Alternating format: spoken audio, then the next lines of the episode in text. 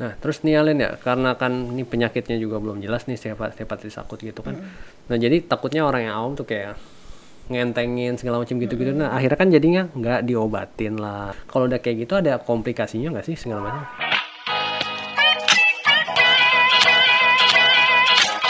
Yuk, balik lagi di podcast Ngobok Ngobrol bareng dokter bersama saya Abi dan rekan saya Halo, Dokter Lina. Kalina. Nah, kali ini kita akan bahas topik yang lagi hangat nih.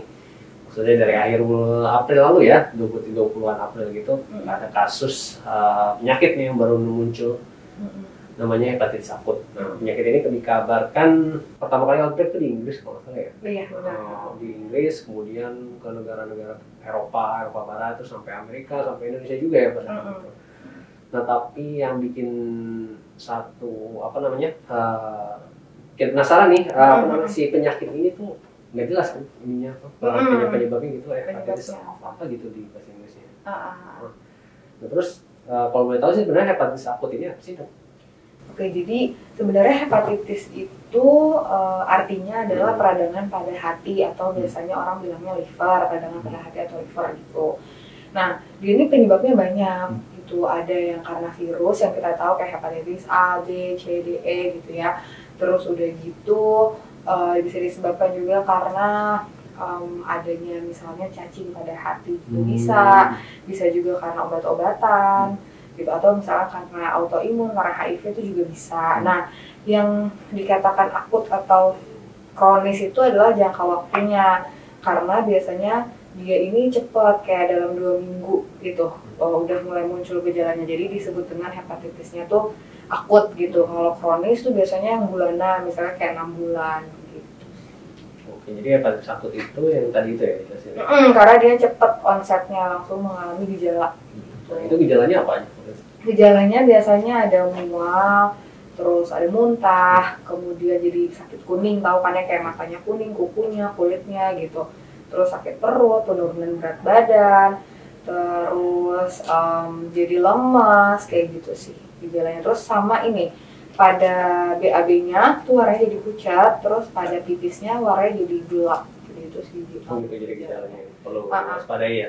Perlu. Nah, terus kan dengan adanya berita kemarin gitu, terus dari WHO sampai CDC juga ngasih tahu kalau Mm-mm. hepatitis masih belum jelas nih kabarnya Mm-mm. gitu. Nah, kenapa sih? uh, terus akhirnya banyak dong yang orang-orang jadi yang takut lah segala macam berita ini. Kebetulan kan kita, kita ada pandemi juga segala macam. Nah, Mm-mm. kenapa sih orang-orang bisa takut gitu? Apa kayak memang bahaya? Apa, Nah, apa yang perlu diwaspadai? karena eh, gejalanya hepatitis Hmm. tapi pas diperiksa itu tuh nggak ada sebabnya kayak apa sih yang biasa hepatitis gitu jadi nggak bisa dibilang oh ini hepatitis A nih nggak bisa jadi si penyebabnya itu baik virusnya atau penyebab dari si pasiennya itu sendiri misalnya habis minum obat-obatan apa itu tuh tidak ditemukan gitu Jadi jelas gitu jadi ya. ada yang baru nih Hmm. penyebabnya si hepatitis ini apa sih gitu. Jadi orang-orang pada takut. Dan juga tadi kan eh, lo juga sempat bilang kan dia tuh eh, WHO tuh juga udah bilang kalau ini tuh harus diwaspadai juga karena ya itu dia sudah menyebar di 20-an negara kayak gitu. Terus di Indonesia sendiri bulan Mei aja data terakhir ya yang gue dapet nih. Mungkin nanti setelah ini ada update lagi. Itu sudah ada sekitar 28 eh, anak udah terkena hepatitis ini gitu. Jadi ya maksudnya kan baru ya kayak baru nih nggak tahu sebabnya apa. Jadi ya perlu diwaspadai sih gitu. Karena takutnya menyebar ke mana-mana. Nah tadi bisa yang lo bilang juga korbannya banyak yang bukan korban sih kayak penderitanya Hmm. banyak anak-anak ya kalau ini. Ah, ah, iya banyak Kenapa anak-anak sih kok bisa lebih banyak di anak-anak ketimbang orang dewasa gitu? karena sebenarnya anak-anak itu eh, untuk penyakit apa pun ya karena kan eh, mereka tuh lebih beresiko karena si hepatitis ini kan berkaitan dengan kebersihan Hmm. kayak misalnya mereka mungkin suka eh, jajan makanan yang dulu gitu. ah ah, gitu jadi nggak cuci tangan misalnya juga eh, sesama anak misalnya kan dia nggak tahu nih anak ini sakit atau enggak gitu terus dia main apa kayak kalau kita kan tahu nih dia sakit oh ya kita pakai ini deh gitu kalau kalau anak-anak kan enggak kan gitu. jadi memang lebih beresiko juga dari secara daya tahan tubuh juga sama gitu dan ya itu sih kebiasaan cuci tangan kayak gitu gitunya yang eh, membuat mereka lebih rentan gitu. Terus eh, di samping itu kan kalau hepatitis itu juga ada faktor risikonya ya. Hmm. Apa kayak faktor-faktor apa yang ningkatin seseorang semakin rentan terhadap si hepatitis itu. Nah itu faktor resikonya apa aja kalau dari hepatitis itu? Eh, jadi sebenarnya hepatitis itu kalau misalnya kayak hepatitis A gitu penyebarannya itu droplet gitu ya. Kalau kayak hepatitis B itu bisa dari darah atau dari berhubungan seksual yang nggak pakai pengaman, nggak pakai kondom gitu itu bisa terjadi. Jadi ya faktor risikonya yang pertama adalah misalnya tidak mencuci tangan sebelum makan, terus konsumsi makanannya juga yang mengandung hepatitis atau mengandung virus hepatitis atau juga eh, makanannya tuh tidak matang atau makanannya setengah Itu matang. dari dan droplet berarti dari orang yang menderita Iya, benar.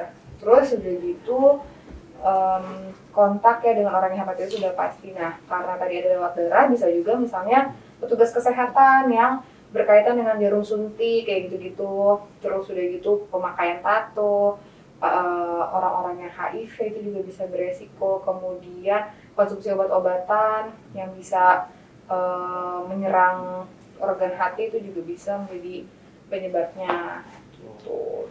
Terus kayak berhubungan seksual yang tidak aman itu juga. Balik lagi ke apa namanya hepatitis akut itu yang bikin rame kan katanya sih ada kaitannya dengan yang namanya adenovirus itu. Nah itu adenovirus 41 kalau nggak salah. Nah itu apa sih adenovirus 41? Nah, si adenovirus ini sebenarnya tuh udah ada dari dulu Hmm. dan adenovirus nih eh, virusnya tuh ada apa adenovirusnya ada jenisnya tuh banyak banget sampai bisa ada puluhan.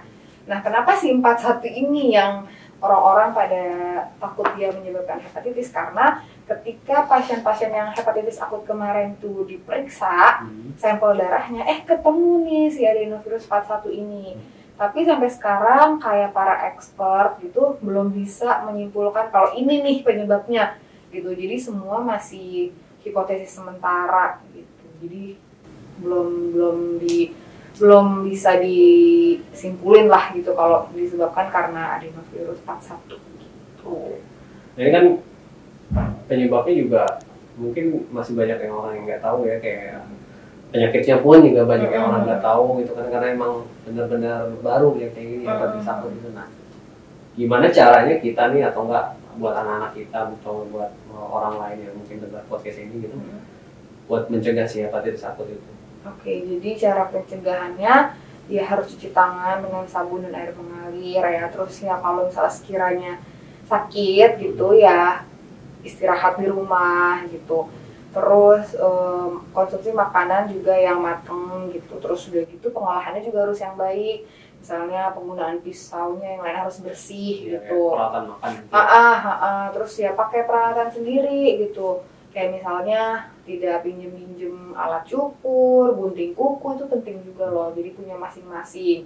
Kemudian em, juga secara umum sebenarnya ini untuk hepatitis yang lain juga kayak ya harus melakukan hubungan seksual yang aman dengan satu pasangan aja gitu. Terus ya untuk meningkatkan daya tahan tubuh kita, kita juga harus eh, lakukan pola hidup sehat ya makan makanan yang bergizi seimbang ya olahraga gitu terus kalau sekiranya misalnya kan ada penyakit-penyakit yang eh, memang kita tuh harus donor terus eh, harus menjadi penerima penerima darah terus gitu Itu kayak harus transfusi terus misalnya ada penyakit-penyakit yang kita harus transfusi terus gitu nah itu kita harus em, tanya juga misalnya bagaimana nih Oh, dan- Ah, ah, don- pendonornya itu seperti apa gitu. Kalau kita terima darah misalnya dari mana ya kita harus tanya riwayat-riwayat penyakitnya gitu. Jadi itu biar lebih ya biar lebih jelas gitu. Jangan-jangan dia ada penyakit apa. kalau di anak-anak kan dia sering kayak megang apa terus Iya, terus gitu, ke terus mulut. mulut, Mm-mm, masukin ke hidung. Nah, itu gimana kalau bisa? Ya itu, kayak gitu. nah itu eh, harus ya sebagai orang tuanya gitu ya kita harus kayak ya udah habis dia main kita Cuci cuci tangan terus. cuciin tangannya dia pakai sabun pakai air mengalir gitu. Dan berarti terus-terusan karena kan anak kecil pasti terus-terusan. Iya, dan bahkan gue pernah juga baca juga ya bahwa eh, eh, para expert ini dia membuat suatu kesimpulan sementara hipotesis sementara gitu penyebab dari si hepatitis ini apa sih gitu. Nah salah satunya adalah karena eh, apa mereka tidak terpapar oleh adenovirus saat pandemi gitu. Jadi karena mereka sangat bersih, terus pas eh, ketika eh, udah lengang nih, em, apa namanya kondisi COVID-nya terus mereka keluar mereka terpapar adenovirus gitu. Cuman ini bukan bukan pasti ya, ini baru salah satu hipotesis uh, hipotesis uh, aja. uh, yang sementara tapi kita uh, belum bisa menyimpulkan benar-benar apa emang ini ya ini ya penyebabnya gitu belum. Jadi semua masih perlu diteliti lagi. Terus ada terus ada yang bilang kemarin ada kaitannya lah dengan covid gitu ada yang kaitannya terus kaitannya itu dengan orang yang belum vaksin covid Hmm. nah itu gimana kaitannya Iya, jadi eh, kan rata-rata tuh kan pada anak usia di bawah lima tahun ya. Hmm. Terus rata-rata juga belum vaksin dong, Hmm. gitu. Pastinya kan memang di bawah lima tahun kan kemarin juga kita belum ada vaksinnya kan. Nah, em, tapi eh, dari yang gue baca-baca juga sih sebenarnya tidak ada kaitannya, itu tidak ada hubungannya lah. Gitu. Dan tadi yang gue cerita tentang hipotesis sementara para expert itu juga mereka selain tadi adenovirus itu juga ada hmm, apa namanya mungkin mungkin ya mungkin bisa karena eh, apa jangan-jangan ada varian baru nih dari SARS-CoV-2 jadi para peneliti ini sekarang lagi pada sibuk nih untuk mencari tahu sebenarnya apa sih penyebab yang benar-benar pastinya dari hepatitis ini. Oke jadi literally belum ada yang yang, yang jelas ya sebentar iya eh, yang penting kan sekarang tuh pencegahannya dulu kan Nah, terus kalau misalnya udah kepalang kena nih Hmm. eh, hepatitis akut ini gitu dan udah divonis, eh, udah diagnosis dokter segala macam kayak gitu lah.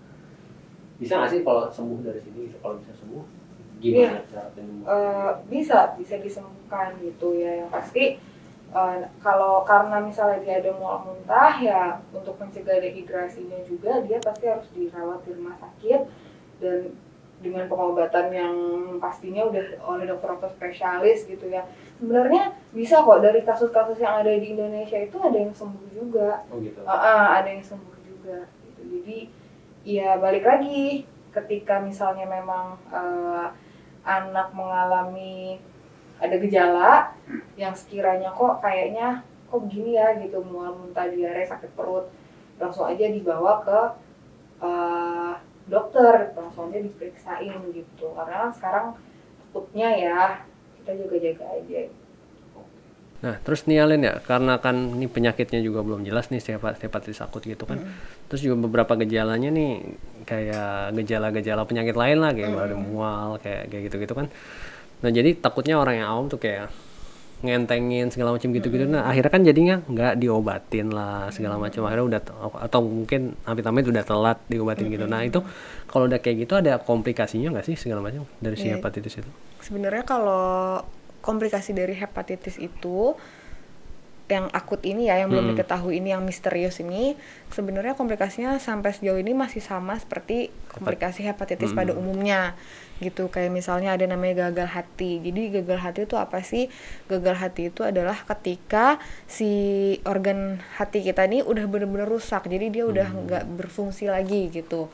Nah kalau misalnya terjadi hal ini ya udah pasti kan organ hati itu sangat penting ya dia kan untuk eh, menyaring toksin dalam tubuh kita Detox ya, gitu. hmm. Eh, eh, untuk apa detox gitu. Jadi eh, komplikasi pertama tuh gagal hati. Yang kedua adalah sirosis hati. Nah sirosis ya hati itu adalah adanya jaringan parut pada organ hati kita karena kemarin sempat terjadi rusak nih sama aja kayak misalnya kulit gitu. Misalnya kulit kita kita bisa jatuh terus udah gitu eh, kegores terus ada kayak tahu kan Iya, ada kayak ada bekas yang lukanya bekas gitu. lukanya. Nah terjadi si sirosis itu juga bisa.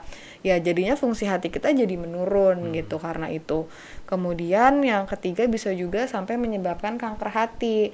Nah jadi em, ini juga bisa ya bermasalah juga kan gitu. Nah untuk kasus-kasus yang memang sudah ada eh, yang sampai menyebabkan kematian sampai sejauh ini yang gue baca itu adalah dia komplikasinya itu bisa karena kondisi dehidrasi yang dialami atau bisa karena kondisi infeksinya yang menyebar ke seluruh tubuh gitu. Jadi eh, ini yang memang eh, perlu diwaspadai kalau misalnya sudah terlalu lama gitu loh. Kayak udah lama di rumah udah anaknya udah lemas gak bisa makan gak bisa minum gitu. Nah ini yang eh, perlu diwaspadai gitu misalnya kalau dehidrasi itu juga bukan sekedar kayak Aus-aus gitu. Eh, iya gitu. Nah, dehidrasi itu kalau misal itu ada derajatnya gitu. Kalau misalnya derajat yang udah parah itu dia tuh udah kita kasih minum tuh udah nggak mau gitu dan nangis udah anak-anak ya nangis tuh udah udah nggak ada air matanya terus kalau kulitnya kita cubit gitu ya kita cubit gitu ya? eh, lama kembalinya gitu terus biasanya kelihatan dari ubun-ubunnya itu jadi cekung gitu jadi itu udah jadi eh, waspada lah buat eh, orang tuanya gitu Oh gitu. Nah, nah kalau kita nih misalnya eh, ngelihat udah ada gejalanya nih kayak segala macam yang muntah kan, kelelahan nih tadi gejalanya masuk juga nggak sih? Kayak lelah, heeh, kayak gitu gitu. lemas lah gitu Lemes kayak gitu. Terus, apalagi di anak-anak ya kayak gitu. Nah itu lebih baik ke rumah sakit aja ya, ke rumah sakit atau ke dokter terdekat gitu. Nah nanti gimana sih caranya dokter itu didiagnosis dari si untuk mengetahui hepatitis akut ini pada penderitanya gitu. Mm, Kalau untuk mengetahui misalnya hepatitis atau enggak, biasanya ya dokter kan periksa ya. Dia dari head to toe semuanya diperiksa gitu. Kalau misalnya memang ada gejala kayak kuning akan kelihatan pada bola mata yang putih ini jadi kuning, kuku, kemudian yang suka kelihatan tuh telapak tangan gitu, Oh, akan gitu. Ah, ah, lebih mudah kelihatan gitu. Kemudian eh biasanya dokter udah curiga nih kalau kuning ini oh jangan-jangan nih organ hati nih yang kena gitu. Lalu eh dokter juga akan melakukan pemeriksaan darah gitu. Yang diperiksa apa? Yang diperiksa itu adalah enzim hati gitu. Pada kasus-kasus hepatitis, kan misalnya enzim hati itu kan eh, hanya untuk kadar normal itu misalnya sekitar 30-an, tapi pada kondisi hepatitis tuh bisa jadi seribu kayak gitu. Jadi saking Banyak, saking ha, karena eh, apa namanya saking terjadi kerusakannya pada hati-hati berusaha untuk eh, mengkompensasi gitu. Jadi enzim hatinya itu keluar gitu.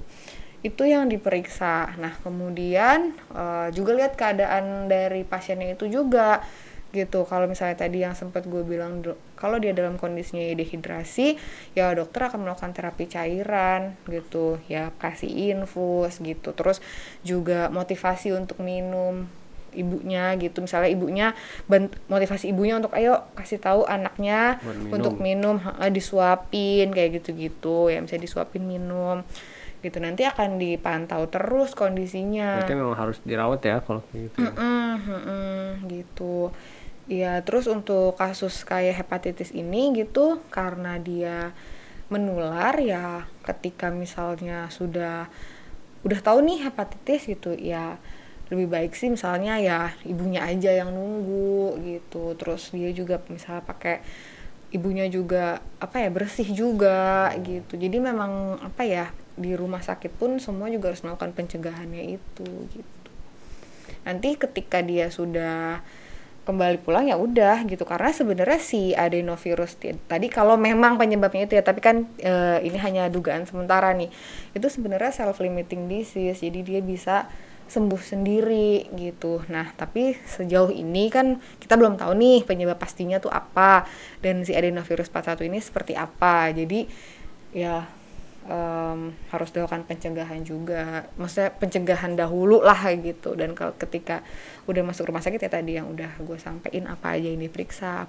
dan ya darah kayak gitu gitu Oke. Nah itu aja sih seputar hepatitis akut ya. Karena, topiknya juga masih belum banyak yang tahu ya. Maksudnya dari segi informasi juga masih terbatas banget. Dari segi apa nih juga korbannya juga untungnya sih belum banyak ya. Kayak gitu. Jangan sampai ya, Jangan sampai Bi. belum banyak. Nah semoga dengan adanya informasi seputar hepatitis akut ini bisa jadi bekal lah buat kita, buat pendengar di luar mungkin ya setidaknya mencegah penyakit Iya. hepatitis akut ini baik buat kalian atau buat anak-anak dan semacamnya gitu. Nah, terima kasih ya dokter Kalina. Oke, makasih Bi. Uh, dan kalau misalnya teman-teman yang mau ada apa namanya eh mau cari tahu nih seputar hepatitis akut mungkin bisa lihat di eh, bisa tanya lewat cek chat dokter kita ya dari dari sehat nah itu dan Atau bisa baca juga artikelnya. ya baca artikelnya juga udah ada di kita gitu. Terus- buka sehat juga Mm, udah ada banyak. dari situ ntar kalau kalian mau chat dokter silakan chat dokter kalau mau baca artikel silakan baca artikel mau beli obat Bisa juga, juga. bisa dari toko Iya. gitu. Mau lihat promo kesehatan juga bisa. ya, promo kesehatan juga bisa semuanya lengkap di sehatku.com ya terima kasih sampai ketemu di episode berikutnya Dah. Dah.